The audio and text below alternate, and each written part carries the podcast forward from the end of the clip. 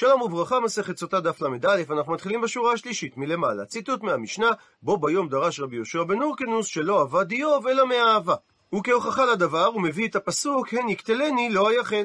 אבל עדיין הדבר שקול ולא מוכרע, האם המילה לא היא בל"ו במשמעות חיובית לא לקדוש ברוך הוא אני מצפה, או ל"א במשמעות שלילית שאיני מצפה.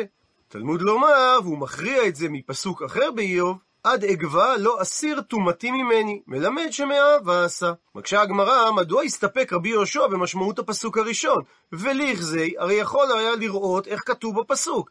היי לא, אי בל"א כתיב, אז לא הוא, במשמעות שלילית, ואי בל"ו כתיב, אז זה במשמעות חיובית, לא הוא. ומדוע אמר רבי יהושע שהדבר עדיין שקול? דוחה הגמרא את הנחת היסוד, שכאשר כתוב ל"א זה משמעות שלילית, וכל היכא דכתיב בל"א, האם כל מקום שכתוב ל"א, המשמעות היא שלילית? לא הוא. אלא מעתה, פסוק בישעיהו נקרא בפנים, בכל צרתם לא צר ומלאך פניו הושיעם, באהבתו ובחמלתו הוא גאלם, וינטלם וינשם כל ימי עולם. והמילה לא דכתיב בפסוק בל"א היא כתובה. הכי נמי, האם גם כאן תאמר שהמשמעות היא שלילית, דלא הוא? ואם כך משמעות הפסוק, שהקדוש ברוך הוא לא חושש לצרתם של ישראל ולא צר לו בה? וכי תימא חנמי. ואם תרצה לומר שאכן זו הכוונה, והכתיב, הרי המשך הפסוק, ומלאך פניו הושיעם. ובהמשך, באהבתו ובחמלתו וגאלם, וינטלם וינשם כל ימי עולם. אלא אומרת הגמרא, כאשר כתוב ל"א, משמע הכי ומשמע הכי. יש מקומות שהמשמעות היא ל"א שלילית, ויש מקומות שהמשמעות ל"א משמעות חיובית, כאילו כתוב ל"ו. ולכן אמר רבי יהושע שמהפסוק הן יקטלני לא היחל, הדבר עדיין שקול. ומביאה הגמרא תניא שנינו בברייתא רבי מאיר אומר, נאמר ירא אלוהים באיוב, ונאמר ירא אלוהים באברהם. מה ירא אלוהים האמור באברהם מדובר שעבד אברהם מאהבה? אף הביטוי ירא אלוהים האמור באיוב מלמד אותנו שאיוב עבד מאהבה. שואלת הגמרא, ואברהם גופי מנהלן, מהיכן אנחנו יודעים שאכן אברהם עצמו עבד מאהבה את השם? עונה הגמרא, דכתיב, פסוק בישעיהו, ואתה ישראל עבדי יעקב אשר בחרתיך, זרע אברהם אוהבי. ואם אברהם מכונה אוהבי, בהכרח שהוא עבד את השם מאהבה. שואלת הגמרא, מה איכא, איזה הבדל יש בין מי שעושה מאהבה לעושה מיראה?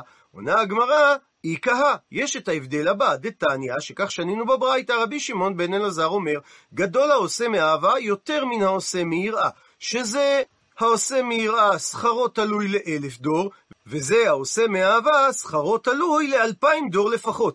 והמקור לכך, הכא כתיב, כאן לגבי עושה מאהבה כתוב, ועושה חסד לאלפים, לאוהביי ולשומרי מצוותיי, והמינימום של אלפים זה אלפיים, והטעם ושם לגבי עושה מיראה כתיב, וידעת כי אדוני אלוהיך הוא האלוהים, האל הנאמן, שומר הברית והחסד, לאוהביו ולשומרי מצוותיו לאלף דור. אבל מקשה הגמרא, הטעם נמי כתיב, הרי בפסוק האחרון מופיע גם עובד מאהבה, שהרי כתוב לאוהביו ולשומרי מצוותיו לאלף דור. אז לכאורה אין הבדל בין עובד מאהבה לעובד מיראה. מתרצת הגמרא, היי לדסמיך ליה והי לדסמיך ליה. זה לסמוך לו וזה לסמוך לו. בפסוק הראשון הוא סמך את המילה אוהביו לאלפים, ובפסוק השני הוא סמך את המילה לאלף דור אל שומרי מצוותיו.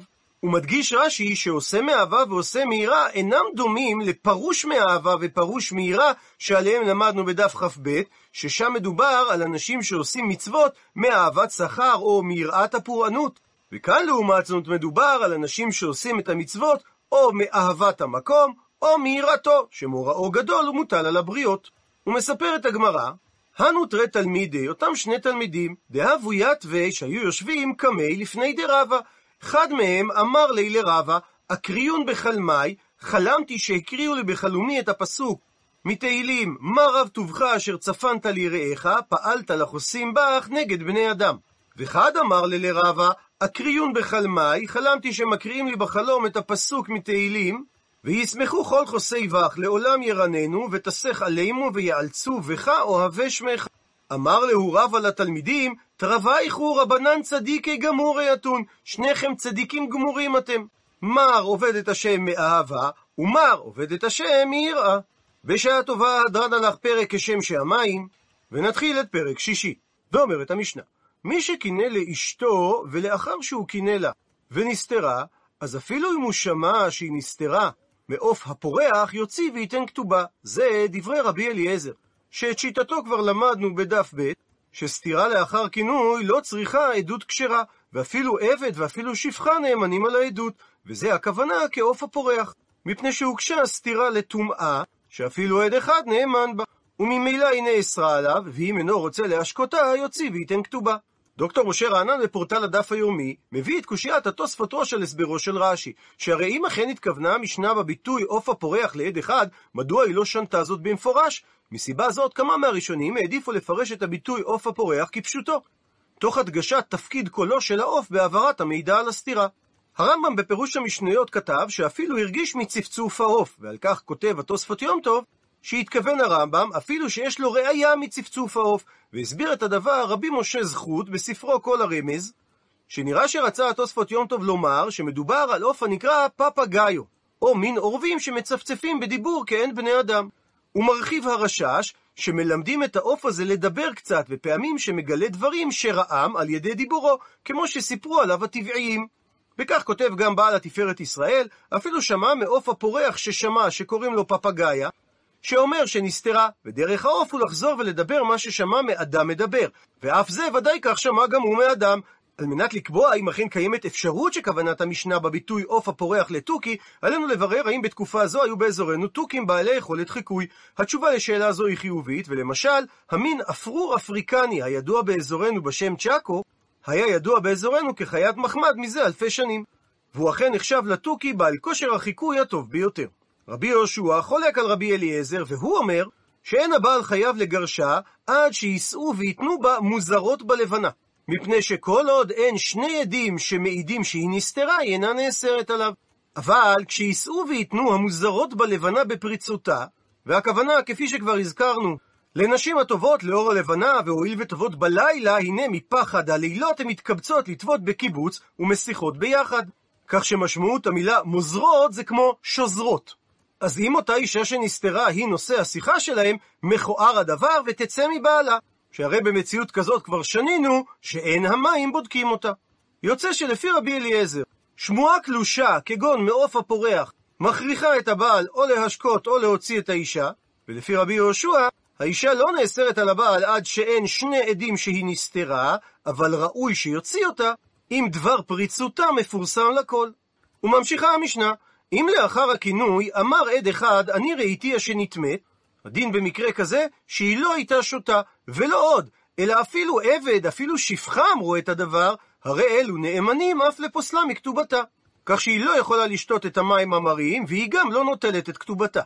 עם זאת, ישנם חמש נשים, חמותה, ובת חמותה, וצרתה, ויבימתה, ובת בעלה, שהן בהגדרה נחשבות כשונאות אותה, ולכן הרי אלו נאמנות לומר שהיא נטמעה, ולא נאמנות לפוסלה מכתובתה, אלא רק שלא תשתה. והסיבה שהן שונאות אותה, החמות שונאת את האישה שלקחה את הבן יקיר לאפרים, בת החמות שונאת את גיסתה, שהרי היא יורשת את הנכסים של ההורים שלה. וצרתה כמובן שונאת אותה, שהרי היא האישה השנייה, ויבימתה, שזו אשת אחי בעלה, אף היא כצרתה ושונאתה, כי היא דואגת ממנה, שסופה להיות לצרתה אם ימות בעלה בלא בנים. והיא אומרת לעצמה שבמקרה כזה היא תתייבם לבעלי. ובת בעלה, הכוונה מאישה אחרת, שונאת אותה בגלל שהיא האימא החורגת שלה. והיות שהתורה האמינה כל עדות לגבי האישה הסוטה, אז גם חמש הנשים הללו נאמנות לה לעדות זו, אבל הן לא נאמנות לפוסלה מכתובתה, הואיל והן שונאות אותה. אלא הן רק גורמות לה שהיא לא תשתה את המים המרים, וממילא היא תהיה צריכה להתגרש מבעלה. ועל העיקרון שעד אחד נאמן בדבר, אומרת המשנה, שהיה בדין לומר שלא יהיה נאמן בעד אחד אם לא מגזירת הכתוב. שהרי, ומה אם עדות ראשונה, שהיא עדות הסתירה, שאין אוסרתה איסור עולם, אלא עד שהיא תשתה את המים, ואינה מתקיימת עדות זו בפחות משניים, מה שאומר שהמשנה היא כשיטת רבי יהושע, שלומד את הדבר מגזרה שווה. אז עדות אחרונה שהיא נטמעה, שאוסרתה איסור עולם, אינו דין שלא תתקיים העדות הזו בפחות משניים? תלמוד לומר, ושכב איש אותה שכבת זרע ונעלה מעיני אישה ונסתרה, והיא נטמע, ועד אין בה, והיא לא נתפסה. ומזה שנאמר ועד אין בה, משמע שכל עדות שיש בה מתקבלת, ולכן עד אחד נאמן בה. אבל לפי זה נאמר, קל וחומר לעדות הראשונה שהרי מעתה. ומה אם הפכנו דף, עדות אחרונה שאוסרתה איסור עולם, הרי היא מתקיימת בעד אחד, אז עדות הראשונה שאין אוסרתה איסור עולם, אינו דין שתתקיים גם היא בעד אחד. לכן תלמוד לומר, נקרא בפנים, כי ייקח איש אישה ובעלה, והיה אם לא תמצא חן בעיניו כי מצא בערוות דבר, וכתב לספר כריתות ונתן בידה ושילחה מביתו. ולהלן בדיני ממונות הוא אומר, נקרא בפנים, לא יקום עד אחד באיש לכל עוון או לכל חטאת, בכל חטא אשר יחטא, על פי שני עדים או על פי שלושה עדים יקום דבר. ועל ידי השימוש במילה זה הדבר, לומדת המשנה, מה להלן? לגבי עדות ממון רק על פי שניים, אף כאן רק על פי שניים. וממשיכה המשנה, כאשר עד אחד אומר נטמאת ועד אחד אומר לא נטמאת, או שאישה אחת אומרת נטמאת ואישה אחת אומרת לא נטמאת, הרי שהעדויות מקזזות זו את זו, ועדיין קיים הספק האם היא נטמעה ולכן היא שותה. כך שעדיין קיים הספק, והרי הדין שהייתה שותה. אבל אם עד אחד אומר נטמאת ושניים אומרים לא נטמאת, ואין מדובר שהם סותרים את העדות הראשון, אלא שהם אומרים שלא ייתכן שהיא נטמעה בפניו, שהרי באותו זמן גם אנו היינו עמך ובפנינו היא לא נטמאת. אז במצב כזה הסתלקה עדותו ובטלו דבריו. והרי חוזר הספק האם היא נטמעה קודם שבאו אלו ומצאו. ולכן גם במקרה הזה הדין שהייתה שותה. ואם שניים אומרים נטמאת ואחד אומר לא נטמאת, עדות השניים גוברת על עדות האחד, ולכן הדין שלא הייתה שותה. ושואלת הגמרא, היי, זה שאמרה המשנה, תלמוד לומר כי מצא בערוות דבר, שזה המקור לכך שעד אחד אינו נאמן על הסתירה, והרי תלמוד לומר, הייתה המשנה צריכה לדייק ממה שכתוב בפסוק, ועד אין בא, שהמילה בא באה למעט, בא ולא בכינוי, בא ולא בסתירה מבא אלי. זה היה צריך להיות המקור לכך שעד אחד לא נאמן בסתירה. אלא שעדות הסתירה היא כשאר כל עדויות שבתורה שצריכה שני עדים, ואם כך, למה הייתה צריכה המשנה ללמוד את הדבר בגזרה שווה? מתרצת הגמרא, הכי נמי כאמר. אכן כך התכוון התנא לשנות, שהמקור לכך שעד אחד לא נאמן בסתירה, מפני שתלמוד לומר בא, ומהמילה בא שהיא מיעוט לומדים, בא ולא בכינוי, בא ולא בסתירה. והמשיך התנא ושאל, וטומאה בעלמא, בלא כינוי ובלא סתירה. מהיכן אנחנו יודעים דלא מהימן עד אחד, מנהלן, מה המקור לדבר? נאמר כאן את המילה דבר, ונאמר להלן את המילה דבר, מה להלן בשני עדים בלבד ניתן לקבל עדות ממון, אף כאן עדות על טומאת האישה דווקא בשני עדים. ציטוט מהמשנה, עד אומר נטמאת, ועד אחר כנגדו אומר לא נטמאת, הרי הדין שהיא הייתה שותה. מדייקת הגמרא, תמה דקה מכחיש לי. הסיבה שהיא שותה דווקא בגלל שיש עד אחד שמכחיש את עדות הטומאה. הא, אם לא היה עד אחד כמכחיש לי, שהיה מכחיש את העד הראשון, זה אומר שעד אחד מהימן על עדות הטומאה. מנעני מילי, מה המקור של הדבר? עונה הגמרא, דתנו רבנן. ובהתחלה מביאה הברייתא כבר את המסקנה, שמהפסוק ועד אין בה לומדים, שבשניים הכתוב מדבר, כך שמשמעות המילה ועד הכוונה שאין בה עדות. וזה המקור שעד אחד נאמן שהיא נטמעה. ומוכיחה הברייתא שזו כוונת הפסוק. שהרי אתה אומר, אולי בשניים מדובר בפסוק, או אינו אלא באחד. תלמוד לומר, לא יקום עד אחד באיש לכל עוון ולכל חטאת, בכל חטא אשר יחטא. על פי שני עדים או על פי שלושה עדים יקום דבר. ומנתחת הברייתא את המילים עד אחד. שהרי ממשמע שנאמר לא יקום עד, איני יודע שעד הכוונה שהוא אחד, אז מה תלמוד לומר בהוספת המילה אחד, אלא זה בנה אב, דהיינו בניין אב. שזה המקור ממנו לומדים שכל מקום שנאמר את המילה עד, הרי כאן שניים, דהיינו משמעות של עדות. אלא אם כן, עד שיפרוט לך הכתוב שמדובר על עד אחד בצורה מפורשת. ולכן הכוונה בפסוק ועד אין בה, שאין בה שני עדים אלא אחד. עד לכאן לשון הברייתא, וממשיכה הגמרא ומסיקה. ואמר רחמנה, אז אם התורה אמרה, תרי לית בה, אין בה שני עדים אל אחד, והיא לא נתפסה, הביאה לא הייתה באונס, הרי הדין שהיא אסורה. אבל אם כך קשה, וכיוון דמדאורייתא עד אחד מהימן, אז אידך, העד השני שבא וסותר אותו, הכי מצי מכחיש לי, כיצד יכול הוא להכחיש אותו?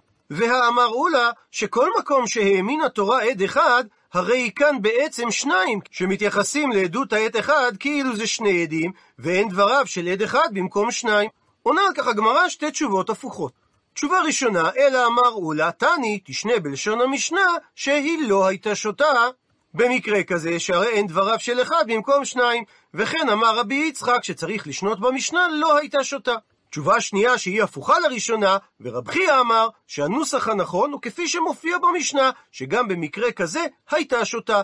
אבל אם כך שואלת הגמרא, לרב חייא קשיא דאולה, שכיוון שהאמינה התורה לעד הראשון, אז הרי היא העמידה את דבריו כאילו זה שני עדים. ומדוע יכול העד השני להכחיש עדות שני עדים? מתרצת הגמרא, לא קשיא. כאן במשנה מדובר כשהעידו שני העדים בבת אחת, בתוך כדי דיבור, כך שאחד מבטל את דבריו של השני, ולא התקיימה עדותן בבית הדין.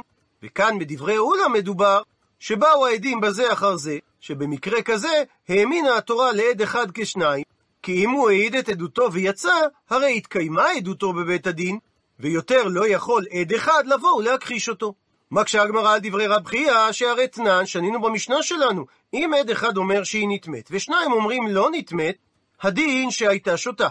עד לכאן הציטוט מהמשנה, ומדייקת הגמרא, הא, אם זה לא עד אחד כנגד שניים, אלא חד וחד, עד אחד כנגד עד אחד, אז הדין שלא הייתה שותה. מפני שאם במקרה כזה היא הייתה שותה, היה נוצר ייתור בלשון המשנה, שהרי אם כדברי רב חייא, שעד אחד שמכחיש עד אחד, הדין שהייתה שותה, אז פשוט שכאשר שני עדים מכחישים עד אחד, שזה אותו דין, ומסתבר לומר שהמשנה רצתה שנלמד את הדיוק הזה, שהרי עצם הדין שמקבלים עדות של שניים כנגד אחד הוא דין פשוט, וודאי שלא אותו באה המשנה ללמד.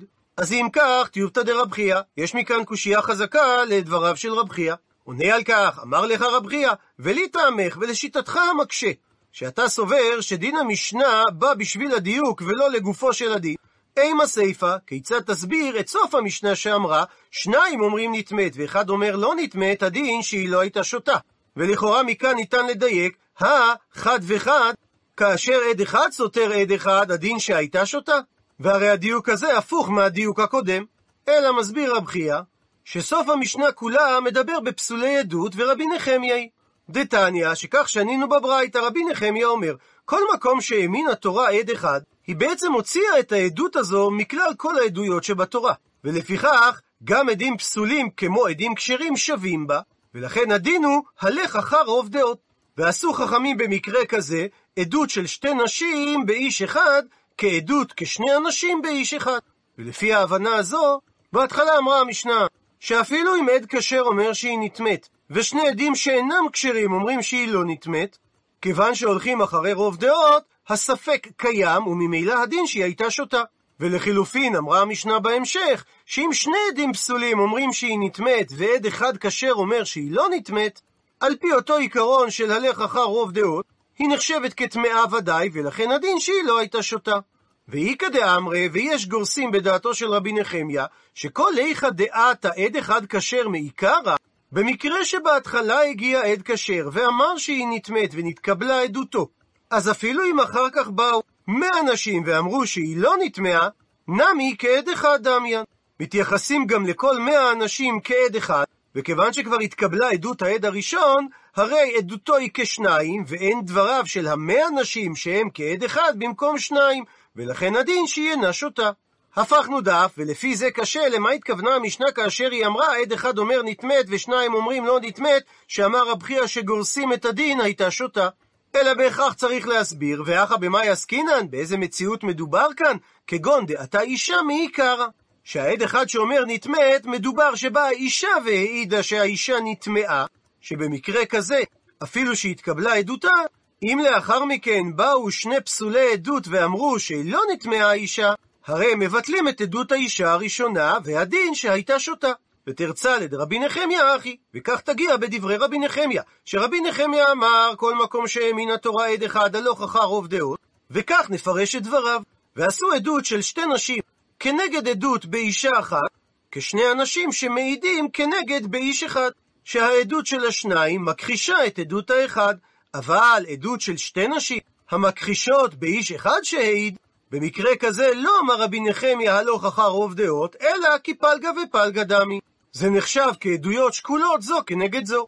ולכן, אם בבת אחת הם באו והעידו, הספק האם האישה נטמעה קיים והדין שהיא תשתה, אבל אם הם באו בזה אחר זה, אז אם העד האחד שהאמינה לו התורה במקומות אחרים הוא קדם ובא בהתחלה, והתקבלה עדותו, הרי עדותו כשניים, ועדות אנשים שבאו אחר כך והכחישו אותו, הרי הם כאחד, ואין דבריהם במקומו. ולכן במקרה כזה, האישה לא שותה את המים. אבל במקרה ששתי אנשים באו בהתחלה, הרי שהתקבלה עדותם כעדות של עד אחד, אז כאשר אחר כך בא עד אחד כשר והכחיש את עדותם, הרי הספק עדיין קיים, ולכן האישה שותה את המים. ומה שאמרה המשנה, בסיפא השניים אומרים נטמאת ועד אחד אומר לא נטמאת, שהדין שלא הייתה שותה, צריך להעמיד שאותו עד אחד היה פסול. מקשה הגמרא על העמדה בדברי רב חייא, ותרתי בפסולי עדות למה לי? מדוע הייתה המשנה צריכה לשנות שם מקרים שבהם הלך אחר רוב דעות? מבארת הגמרא, מור דתימה, מה היית חושב לומר? כי אזלינן בתר רוב דעות, אולי זה רק לחומרה, אבל לכולה לא אזלינן. שאולי הדין שהולכים אחר רוב דעות בפסולי עדות, זה רק להחמיר עליה שתשתה, אבל להקל עליה שלא תשתה, לא מקילים, ולכן היכן ששתיים אומרות נטמאת ואחד אומר לא נטמאת, אז לא היינו הולכים אחר רוב דעות, אלא היינו אומרים שעד אחד יכול להכחיש את עדות שתי אנשים, כך שעדיין קיים הספק והיא תשתה. כמה שמלן, לכן היה צורך להביא גם את המקרה השני, שהולכים אחר רוב דעות בפסולי עדות אפילו לקולה. בשעה טובה הדרן הלך פרק מי שקינא, עד לכאן דף ל"ב. למעוניינים בהרחבה, נעזר בדבריו של האדמו"ר מסוכותשוב, כדי להבין את ההיגיון הלוך אחר רוב דעות בפסולי עדות. רבי אברהם בורנשטיין היה אדמו"ר ומייסד חסידות סוכותשוב, חיבר את הספרים עגלי טלון מלאכות שבת ושות אבני נזר. משחר ילדותו, בהיותו לומד תורה אצל אביו, ניכרו בו סימני גאונות. בגיל עשר הוא סיים את הש"ס, ואת תשובותיו בהלכה החל לכתוב בגיל 16. בגיל 14 הוא התחתן עם בתו של הרבי מקוצק, ועשה לו את הרבי מקוצק לרבו, ממנו ינק תורה ודעת. הוא נודע בתקופתו כפוסק הדור, ושאלות מכל רחבי אירופה הובאו לפתחו. בתפקידו הרבני התפרסם אבני נזר כלוחם תקיף נגד קניין משרות הרבנות בכסף, כאשר כתב חרם נגד מעשים מעין אלו, והחתים עליו את כל הרבנים החשובים באירופה בזמנו. ביחסו לארץ הקודש הדגיש אבני נזר את החשיבות לעלות לארץ, וקבע כי התפרנסות מתוצרת הארץ נחשבת אפילו לחלק ממצוות יישוב ארץ ישראל. הוא נתן שיחות בדבר שבחה של ארץ ישראל, ואף דרבן את חסידיו ועשירי פולין לעלות לארץ, ולכל הפחות להשקיע בארץ. ואכן, רבים מעשירי פולין נענו לדבריו. בנוסף לכך, עלתה לארץ משלחת של חסידיו בראשות בנו יחידו, בעל השם משמואל, כדי לקנות קרקעות בשביל להקים יישוב חקלאי על שם חסידי סוכותשוב, באזור ראש פינה יסוד המעלה. אך ביום החתימה על עסקת קניין הקרקעות, הוצע על ידי הטורקים ששלטו אז בארץ, צו האוסר מכירת קרקעות ליהודים, וכך נאלצה המשלחת לשוב לפולין במפח נפש. וכך הוא ביאר בשו"ת אבן העזר סימן נ"ז, שעדותו של אדם פסול אינה נחשבת עדות, אלא מאחר שמסתבר כדבריו, אנו פוסקים על פיו. וזהו הטעם לנאמר בסוגיה שלנו, שכאשר יש עדים פסולים, הולכים אחר רוב דעות, כי מאחר שהם הרוב, מסתבר שהם צודקים יותר בדבריהם. לפי זה הכריע אבני נזר, שכאשר ישנה סתירה בין שטר שנכתב בערכאות לבין עד אחד, נכריע כפי השטר שהוציאו בערכאות, משום שנאמנותם נובעת מכוח החזקה, כדברי הגמרא בגיטין, שהרי הערכאות אינם מוציאים דברי שקר מתחת ידם, שכן הם רוצים לשמור על נאמנותם כלפי הציבור. וממילא, מאחר שלשטר אנו מאמינים משום חזקה, ולעד אחד אנו מאמינים בגלל ההסתברות, אז יש לסמוך על הערכאות. ובעלון מאורות הדף היומי הביאו את המקרה הבא. יהודי מלונדון אימץ בת, ולאחר שנים מספר ביקש המאמץ לברר את זהותה המדויקת של הילדה, ובעקבות כך הוא נקלע לתסבוכת הלכתית, שכן בתעודת הזהות של הילדה נרשם שאימה היא פלונית אלמונית, אבל אחד מנכבדי הקהילה טען שהיא אינה בתה של האישה הרשומה בתעודת הזהות, כי אם בתה של אישה אחרת. אז יש לדון, האם ההלכה היהודית מתירה להאמין לפרטים הרשומים בתעודת הזהות, אף על פי שהם נכתבו על ידי פקיד נוחי או על ידי יהודי הפסול לעדות. הגאון רבי יצחק וייס זצ"ל, בעל שו"ת מנחת יצחק, שנדרש לדון בשאלה, קבע בראשית דבריו, על פי דברי אבני נזר שהזכרנו, שלמסמך ממשלתי יש נאמנות ותוקף יותר מאשר לעדותו של אדם פסול, ולכן לכאורה אין לחשוש שהפקיד שרשם את הפרטים בתעודה לא דייק ברישומים, ועל כן לכאורה יש לדחות את עדות העד מהקהילה, ולקבוע את זהות האם על פי תעודת הזהות. אבל במקרה הספציפי הזה הכריע מנחת יצחק, כי אף על פי שהפקיד הרשם את תעודת הזהות אינו חשוד לשקר, מאחר שקיימים מקרים חריגים שבהם הורים מסיבות שונות מוסרים פרטים שאינם מדויקים, אז אין להסתמך על הכתוב בתעודת הזהות, ויש להאמין לעד.